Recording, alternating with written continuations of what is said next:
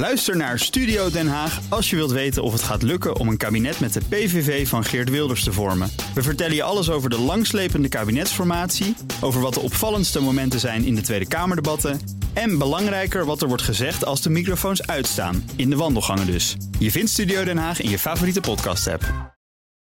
Beurs wordt mede mogelijk gemaakt door Bridge Fund. Make money smile. BNR Nieuwsradio. BNR Beurs. Wesley Weerts, Jelle Maasbach. Je bent halverwege je werkweek. We gaan richting het weekend. En op deze dag ook gewoon weer een nieuwe BNR-beurs. Woensdag 9 augustus. Wij vechten hier in Europa nog steeds tegen hoge inflatie. Maar in China hebben ze nu deflatie. Voor het eerst sinds februari 2021 dalen de consumentenprijzen in China met 0,3% in juli. Het cijfer is iets beter dan vooraf gedacht. Maar ja, er is gewoon deflatie. Dat is het, het verhaal. Van China naar het Damrak, want de AX sloot hoger, 0,4% om precies te zijn... en eindigt iets boven de 770 punten. Grootste stijger is Shell, dat krijgt er 2% bij. En om met ons al het nieuws door te nemen is hier Jordi Beuving van de aandeelhouder. Straks uh, alles over de kwartaalcijfers van ABN AMRO en Aal Delhaize. En laten nou dat net een van de weinige dalers in de AX zijn uh, deze dag. Dat is zo. Ik zag trouwens ook dat uh, Perisport en Actiesport uit het straatbeeld verdwijnen. Oh, dat is slecht nieuws voor jou. Want ik weet dat jij nogal schoenenfan bent. Dus waar moet jij jouw sneakers gaan scoren straks dan? Ja, online. Maar dat is een ander verhaal. Ja, eigenaar JD Sports, een Brits beursbedrijf, wil namelijk een andere naam. En ik vond het toch wel grappig, want Perry en Actie zijn best wel aansprekende namen. Ja? Voortaan moet je naar de Sprinter.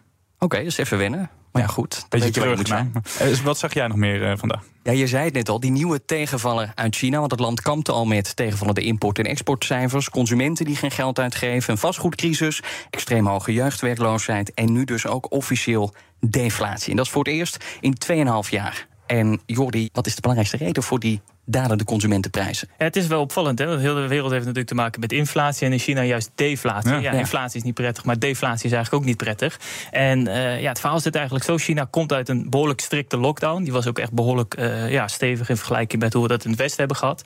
Nou, uh, eind vorig jaar zijn die restricties opgegeven. En ja, je ziet daar wel economisch herstel. Alleen dat gaat allemaal gewoon niet zo snel en zo goed als gehoopt. consument geeft niet zoveel uit als dat aanvankelijk werd gedacht. er zijn ook wel een aantal dingen die je heel duidelijk ziet. Hè. Bijvoorbeeld grote retailers, denk bijvoorbeeld aan een uh, Alibaba, ja, die hebben allemaal geanticipeerd op een behoorlijk herstel. Dus die hebben behoorlijke voorraden aangelegd. En uh, ja, als dat dan niet komt, ja, dan moet je prijzen gaan verlagen. Dan moet je die voorraden, ja, dan moet je vanaf, zeg maar. Dus dan ja, gaan de prijzen omlaag. Je ziet het ook bijvoorbeeld in de autosector. China heeft natuurlijk heel veel autoproducenten. Ja, Tesla is eigenlijk een prijzenoorlog ook begonnen. Mm. Zie je de prijzen van die auto's uh, ja, noodgedwongen omlaag gaan. Ja, een heleboel dingen die door elkaar spelen. Maar ja, heel kort gezegd, ja, het herstel is gewoon niet zo snel als, als gehoopt. En hoe groot is dit probleem nou voor China? Dat ligt er maar net aan uh, hoe lang dit gaat aanhouden. Wordt slechter. Uh, de Chinese overheid zegt zelf dat ze voor dit jaar op een inflatiedoelstelling van 3% uh, rekenen gemiddeld. Ja, nu negatief 0,3. Dan ben je daar natuurlijk nog lang niet. Men hoopt ook wel een beetje op wat meer fiscale stimulus. Daar is ook wel een en ander aan het spelen. Er wordt nog gehoopt dat ze dat echt ja, nog een stap gaan zetten. ja, ze zullen dat zelf in de gaten houden. Zelf lijken ze ja, niet zo heel bezorgd. Maar goed, dat is natuurlijk ook naar de buitenkant toe altijd. ja, zullen we moeten afwachten. Dan naar bedrijfscijfers, want we hebben weer een bedrijf dat de verwachtingen voor het hele jaar opschroeft. Dit keer gaat het om eh, Sony. De muziektak van het bedrijf deed het goed. Het was vooral hun uh, gamingtak die scoorde. En dan hebben we het over de PlayStation 5. We zijn allebei niet echt gamers, Wes, maar toch. Dat is het belangrijkste product van het bedrijf. Het is namelijk de best verkochte console in de VS. Niet alleen in aantallen, ook in dollars. En dat zorgt er dus voor dat ze veel positiever zijn geworden over de rest van het jaar. Want hoeveel gaat er in 2023 dit jaar dus verdiend worden? Nou, netto winst zal uitkomen, zeggen ze, op zo'n omgerekend 5,5 miljard euro. De omzet een kleine 80 miljard. Ja, ze sloten laatst al een deal hè, dat ze Call of Duty van de concurrent uh, mogen blijven aanbieden. Ze zeggen ook, we willen ook meer inzetten op eigen exclusieve spellen.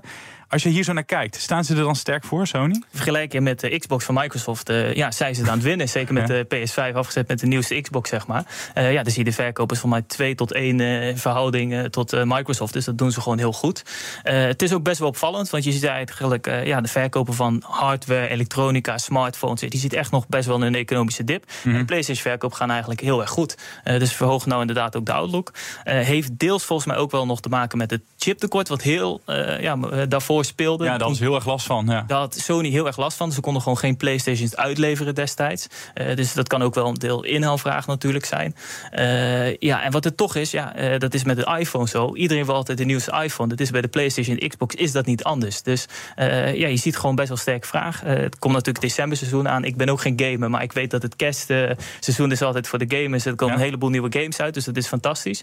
Sony zegt er wel over dat de winst waarschijnlijk iets gaat afnemen, omdat ze juist ja, met een heleboel kortingen en zo natuurlijk nog zoveel mogelijk PlayStation willen gaan verkopen. Ja, uh, goed nieuws. Nog steeds een mooi aandeel uh, wat jou betreft? Nou, wat heel lastig is, is bij Sony, iedereen kent het natuurlijk van de PlayStation. Alleen het is gewoon een ja, typisch Japans conglomeraat. Er zit van alles in verzekeringen, financiële dienstverleningen. Ja, als je dat allemaal apart moet gaan uh, analyseren, dat is echt een hele dagtaak. Uh, dus heel lastig om Sony goed te analyseren. Ja, als je bij de PlayStation beperkt blijft, dan maak je het zelf wel een stuk makkelijker. Alleen het is veel meer dan dat. Nou, ik zag nog nieuws rond de kantoorverhuurder die ooit 40 miljard dollar waard was. Want die dreigt om te vallen. En dan heb ik het over WeWork, daar gaat het dus allemaal wat minder goed dan bij Sony. Want het bedrijf twijfelt aan zijn eigen voortbestaan. En de reden, klanten lopen weg en WeWork blijft maar verlies maken. Vind ik nog knap, heeft nog lang geduurd voordat ze op dit punt kwamen. Want voor de beursgang al zeiden we al, dat gaat hem niet worden. Nee, dat klopt. In 2019 blies WeWork zelfs de beursplannen af. Want hoe dichter zij bij die beursgang kwamen, hoe gammeler en schimmiger dat hele businessmodel bleek. Ook de CEO die kwam toen in uh, ja. opspraak. Want ja, had nogal een wilde levensstijl. Dan gaf je ook bakken met geld aan uit. Een privéjet, dure popsterren op bedrijfsfeestjes. Nou, het kon niet op.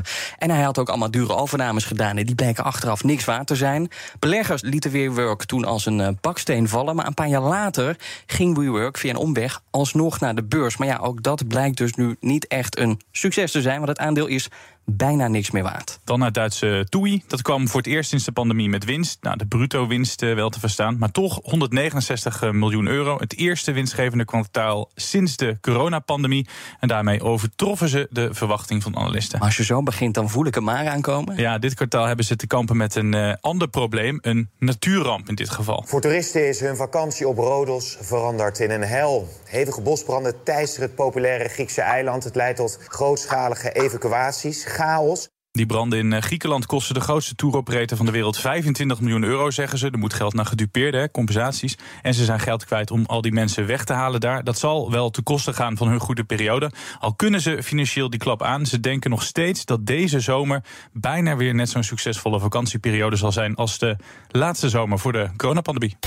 We gaan het straks hebben over vleesvervangers, over Beyond Meat in dit geval. En dat staat zo centraal in onze rubriek over beursvlogs. ABN AMRO kan terugkijken op een sterk tweede kwartaal. De winst kwam uit op een kleine 900 miljoen euro. Een stijging van 87 procent in een jaar tijd. Ook wordt de stroppenpot verder afgebouwd en zijn de kosten flink gedaald. Topman Robert Zwaak kijkt dan ook tevreden terug. Er is zeker wel wat vertrouwen in de economie. De recessie is niet zo diep zoals we wellicht verwacht hadden. Tegelijkertijd hebben we nog steeds wel te maken met onzekerheden in de markt. En we hebben nog steeds te maken met macro-economische onzekerheden. Die onzekerheden die blijven er en beleggers hebben nog wat om over te mokken. Want ondanks die flinke winst komt er geen nieuw aandeleninkoopprogramma. Ja, concurrent ING kwam ook al met klinkende cijfers, maar ook daar geen nieuw aandeleninkoopprogramma. Nu ook bij ABN AMRO niet. Snap jij dat beleggers onder meer daarover vallen? Ja, volgens mij was er wel een klein beetje gehoopt dat ze dat toch wel zouden doen. Hè. Dat is natuurlijk een mooie manier om kapitaal terug te geven aan de aandeelhouder. Als dat dan niet gebeurt, is dat ja, wel een tegenvallen. Uh, dus ja, op zich snap ik dat wel. Hadden ze dat ook kunnen doen, wat jou betreft? Een deel van die winsten uitkeren aan de aandeelhouder? In principe wel. Zeker als je kijkt naar het is nu zeggen, nou, ze halen een stukje uit die stroppenpot. Dus het lijkt ook wel op dat ze zelf nou, uh, comfortabel zijn met de vooruitzichten ja, wat dat betreft. Zeker. Alleen ik snap ook wel dat je enigszins terughoudend bent. Zeker met ja, de zorg omtrent de economie, recessie, noem maar op. Ja, dat lijkt nu allemaal wel wat minder dan uh, gedacht. Alleen ja, dat zullen we echt moeten afwachten of dat ook echt zo ja, vlekkeloos gaat verlopen de komende tijd. Dus ik snap die terughoudendheid wel enigszins. Dit gaat over de belegger, maar wat ik ook elke keer met die uh, cijferpresentaties voorbij zien komen, is dat het over de klant gaat. En hebben we natuurlijk over de spaarrente. We willen allemaal meer spaarrente hebben. Um, ja, als die spaarrente verhoogd wordt, is dat nog een bedreiging voor de winstgevendheid uh, van ABN? Ja, uh, zeker. Want wat het nu is, ja, banken doen het natuurlijk heel goed, maken heel veel winst. En dat komt eigenlijk precies door die rentespread. Want het geld dat ze uitlenen, daar kunnen ze ja, een behoorlijke rente voor vragen. Alleen dat zien we zelf nog niet terug op de spaarrekening. Dat zien we natuurlijk allemaal. Het is in ieder geval niet meer negatief, dat scheelt. Alleen het is nog echt een stuk lager dan uh, ja, de rente die betaalt als je zelf geld leent. Uh, en daar verdienen de banken nou behoorlijk aan. Mhm. Ze zullen dat vermoedelijk de komende tijd ook wel iets gaan verhogen. Je ziet het bijvoorbeeld in Italië is er deze week heel erg kritiek geweest vanuit de politiek. Dat ja, de banken misschien 40% belasting moeten gaan afstaan over die winsten. Uh, is natuurlijk deels uh, ja, politiek gedreven, populistisch, uh, et cetera. Alleen jij ziet wel heel vaak kritiek daar natuurlijk op. En er valt natuurlijk ook wel wat van te zeggen. Hè? Ja. ja. waarom zouden zou wij als spaarders dat niet moeten terugzien op de spaarrekening? Ja. Uh, dus dat is echt wel uh, een ding. Ja, misschien is de beste tijd geweest, dat weet je niet. Als we even verder kijken naar het afgelopen kwartaal... waar ABN zijn geld mee heeft verdiend. Ze zeiden dat ze onder meer, uh, meer bedrijfskredieten hebben verleend. Maar wat was nou het onderdeel waarvan je dacht... ja, daar deden ze het echt heel goed? Uh, vind ik lastig te zeggen. Uh, ja, wat jij zegt van die bedrijfskredieten, dat klopt natuurlijk. Hè. Dat aantrekt. Uh, dat het aantrekt. Ja, je ziet dat die economie toch wel. Ja, er was zeker als je kijkt naar een half jaar geleden, was er echt wel angst over dat dat misschien ja, toch behoorlijk zal tegenvallen. Het gaat eigenlijk best wel goed. Je ziet het ook terug in het beursentiment in het algemeen. Hè. Het blijft eigenlijk ja, relatief goed liggen. Allemaal economische cijfers zijn niet zo slecht als gehoopt. Dus ja, al met al gewoon prima. Bij banken kijk je naar die zogeheten cost-income ratio. Dus hoeveel kosten ze maken. Nou, nu blijkt dat het 51,1 cent uitgeeft om een euro te verdienen. Kwartaal eerder was dat nog 65 cent, dus veel meer. Hoe uh, heeft ABN dat uh, voor elkaar gekregen? Ja, uh, ja, ze zijn natuurlijk druk bezig, alle banken overigens, om die kosten omlaag te krijgen. heeft deels ook gewoon te maken met ja, zogeheten anti-witwas-wetgeving. Banken hebben de taak om ja, uh, daar behoorlijk veel kosten voor te maken. Om te voorkomen dat anti-witwas, nooie customer, et cetera. En ja, ze willen die kosten uh, gaan beperken om meer winstgevend te zijn. Mm -hmm. En ABN zegt nu ook van ja, de kostendoelstelling jaar gaan we niet halen. Omdat ja, om aan al die eisen te kunnen voldoen, moeten we toch uh, ja, iets meer uitgeven dan we afhankelijk hadden ingeschat. Dus dat gedeelte blijft voor banken gewoon een behoorlijke kost. Hè. Dat is eigenlijk ja, een soort semi-publieke taak. Alleen banken worden ermee opgezadeld, om het zo maar te zeggen.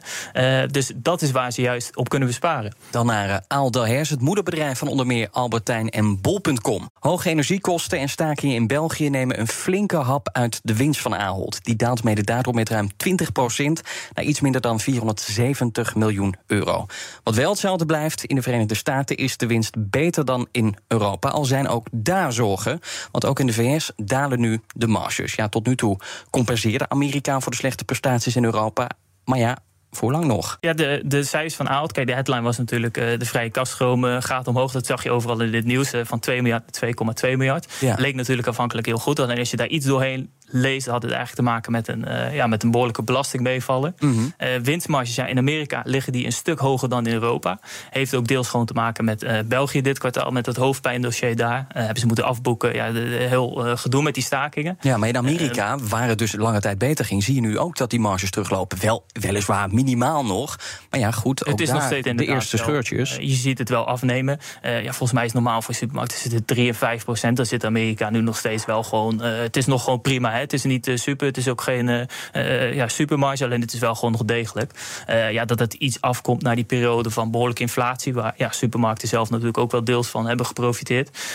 ja, is ook wel gewoon normaal. Nou ja, geprofiteerd in het geval van Ahold valt het mee. Want ja, Europa hebben ze wel flink uh, op moeten ja, inboeten. Het komt natuurlijk uh, ook gewoon deels de België. Want als je uh, ziet met de cijfers, dat ze ook zei over de omzet. de cijfers in Europa was iets beter dan verwacht.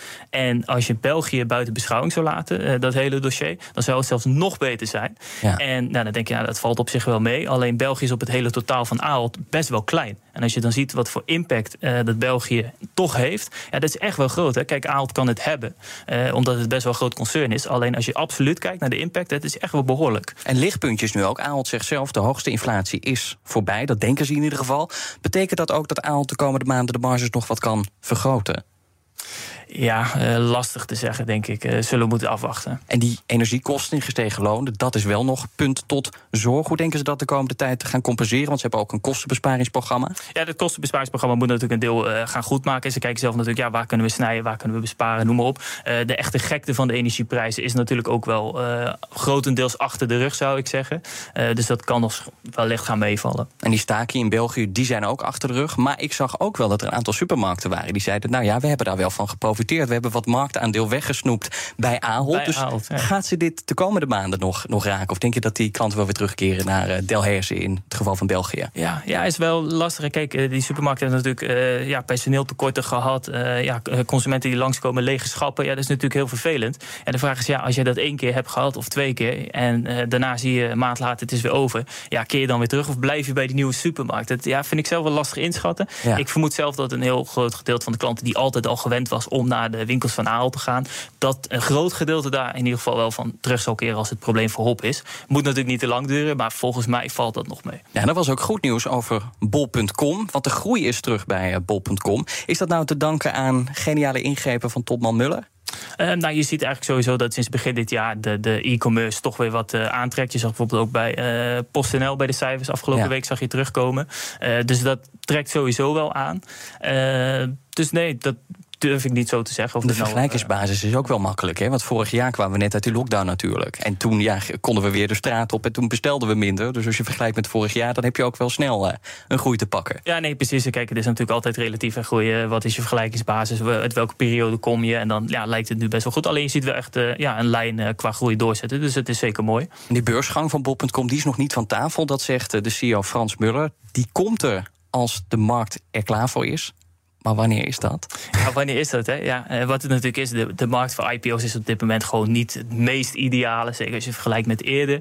T- eh, Het is ook weer niet dat het super slecht is. Alleen ja, je wil natuurlijk als je een eh, beursgang doet, wil je zoveel mogelijk geld ophalen. Wil je op het meest ideale moment doen. Eh, bijvoorbeeld ARM eh, doet dat nu natuurlijk fantastisch. Chipmarkt gaat fantastisch. Dus die gaan nu met een IPO aan de slag zo snel mogelijk. Kijk je wel uit naar die beursgang van bol.com? Want we dachten eerst even dat we hem zouden kunnen verwelkomen. Toen ging het feestje niet door. Maar kijk je er naar uit, naar dit aandeel? Ja, ik kijk op zich wel naar uit. Het is natuurlijk best wel een mooi eh, e-commerce bedrijf. En ik vind het zelf ook. eh, ik bestel het zelf ook. Ik vind het echt een heel prettig platform. Zeker in vergelijking met internationale concurrenten. Klantenservice is echt geweldig. En ik vind het zelf echt ook gewoon een goed platform.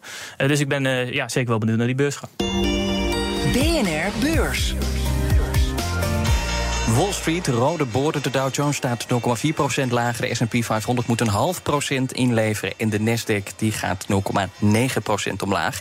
En je kon het een beetje zien aankomen. WeWork kwam natuurlijk met die slechte boodschap. Het twijfelt aan het eigen voortbestaan. En beleggers die zetten het aandeel eh, bijna 35% laag. En er was dus al weinig over van eh, eh, die beurswaarde van WeWork. Ook Lyft zakt op de beurs. Dat aandeel dat gaat eh, bijna 8% omlaag. Beleggers vrezen dat het concurrent Uber niet kan bijbenen... want de omzet per klant daalt. En dat komt doordat het bedrijf de prijzen had verlaagd... om de vraag aan te jagen. En dat deden ze in de hoop ja, dat ze dan weg zouden gaan bij concurrent Uber. En ook de verwachtingen voor het huidige kwartaal vielen tegen. BNR Beurs. We zagen hier buiten de studio van BNR Beurs de eerste zonnestralen vandaag. Hoe mooi Dan is moest je wel goed kijken hoor. Je moest heel goed kijken, maar ik ben een positief mens. De zomer komt eraan. En bij zomer hoort een eh, zomerrubriek. Deze week staan we daarbij stil bij de allergrootste beursflops. De aandelen die hebben gefaald. Gisteren hadden we het over World Online. Het is even een, een tijdje geleden. En ik heb begrepen dat we deze keer een bedrijf bespreken dat net iets actueler is. Wat heb je meegenomen? Ja, eh, ik twijfelde heel even tussen Coinbase en eh, de tweede, Beyond Meat. Eh, en de laatste die had Is het deze geworden? week cijfers. dus ik denk, nou, dat is wel een mooie. Ging 15% omlaag op de cijfers. Dus Ja. ja, uiteindelijk voor Beyond Meat gekozen. Wij hebben het echt over bedrijven gehad de afgelopen weken... die in totaal 97, soms 99 procent naar beneden zijn gegaan. Dit jaar gaat het wel redelijk. Maar misschien neem je het mee omdat het over... Vanaf de IPO min 80 procent. Min Dus, eh, ik denk dat het dan wel ja. in dat straatje eh, past, Zeker. toch? Het is Nou. geen 90 of 99 procent, Dat maar het kan fors. natuurlijk ook nog Dat komen. is heel fors. Hoe kan het dat, eh, dat zo'n eh, van tevoren ja, veelbelovend bedrijf het zo slecht eh, zou gaan doen? Mhm. Ja, wat er natuurlijk is, het is natuurlijk een, een heel mooi verhaal aan zich. Hè? Zeker een aantal jaar geleden met die IPO van nou, steeds meer vraag naar vleesvervangers. Sterk merk, ze hebben ook hele mooie marketing. Het ziet er allemaal heel flitsend uit. Ook als je op de website kijkt, denk je, nou, dit ziet goed uit. Ook, ziet, ziet goed in elkaar, zeg maar. Alleen, ik heb de cijfers gezien en ja, dan schrik je toch wel. Ze zagen een omzetdaling van ongeveer 30% op jaarbasis. Dus je ziet echt dat die omzet, die krijgt een behoorlijke tik. Zeker voor een bedrijf dat eigenlijk nog in de groeifase hoort te zitten. Want ja, eh, ze moeten gewoon nog steeds behoorlijke groei behalen. Ja. En dan zie je die bruto marge. Wat denk je dat de bruto marge is van Beyond Meat het afgelopen kwartaal? Een gokje.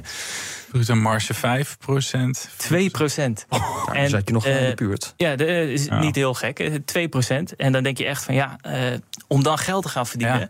is natuurlijk een behoorlijke stap. En je ziet wel een verbetering qua eh, ja, geld verbranden, zeg maar. Ja. Eh, dus onder de streep, eh, ja, ze, ze maken minder verlies dan een jaar eerder. Ze doen er ook natuurlijk van alles aan. Alleen ja, als je de, de, de earnings call ook hoort... ja, weak demand, eh, slowing down. Het is allemaal, ja, ze ze zitten echt in een lastig pakket. Maar zijn ze te snel gegaan? Dus hadden ze gedacht dat nu al heel veel mensen aan de vleesvervangers zouden zijn? Of waren ze helemaal, helemaal onrealistisch qua verkoop? Waar zit het hem dan in?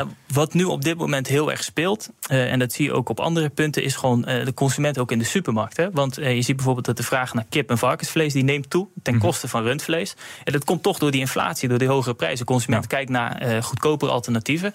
Nou, als je in de supermarkt kijkt en je kijkt naar het vleesvervangerschap, dan zijn de prijzen zijn echt niet goedkoop. Zeker niet van de luxere merken, zoals bijvoorbeeld Beyond Meat, maar ook andere merken.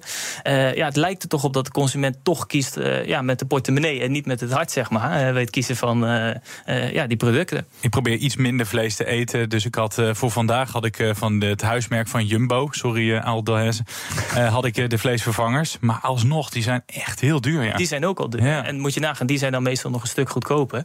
Eh, en dat zie je niet alleen bij vleesvangers. Je ziet het heel vaak ja, als consumenten eh, in de portemonnee geraakt worden. Ja, ga je toch vaker naar een huismerk, ga je toch eh, naar Ja. alternatieven kijken. En dat lijkt nou waar Beyond Meat erg last van heeft. En eh, kijk, dan normaal dat een eh groeionderneming eh, geld verbrandt... en dat de winst pas in de toekomst ligt, is geen ramp.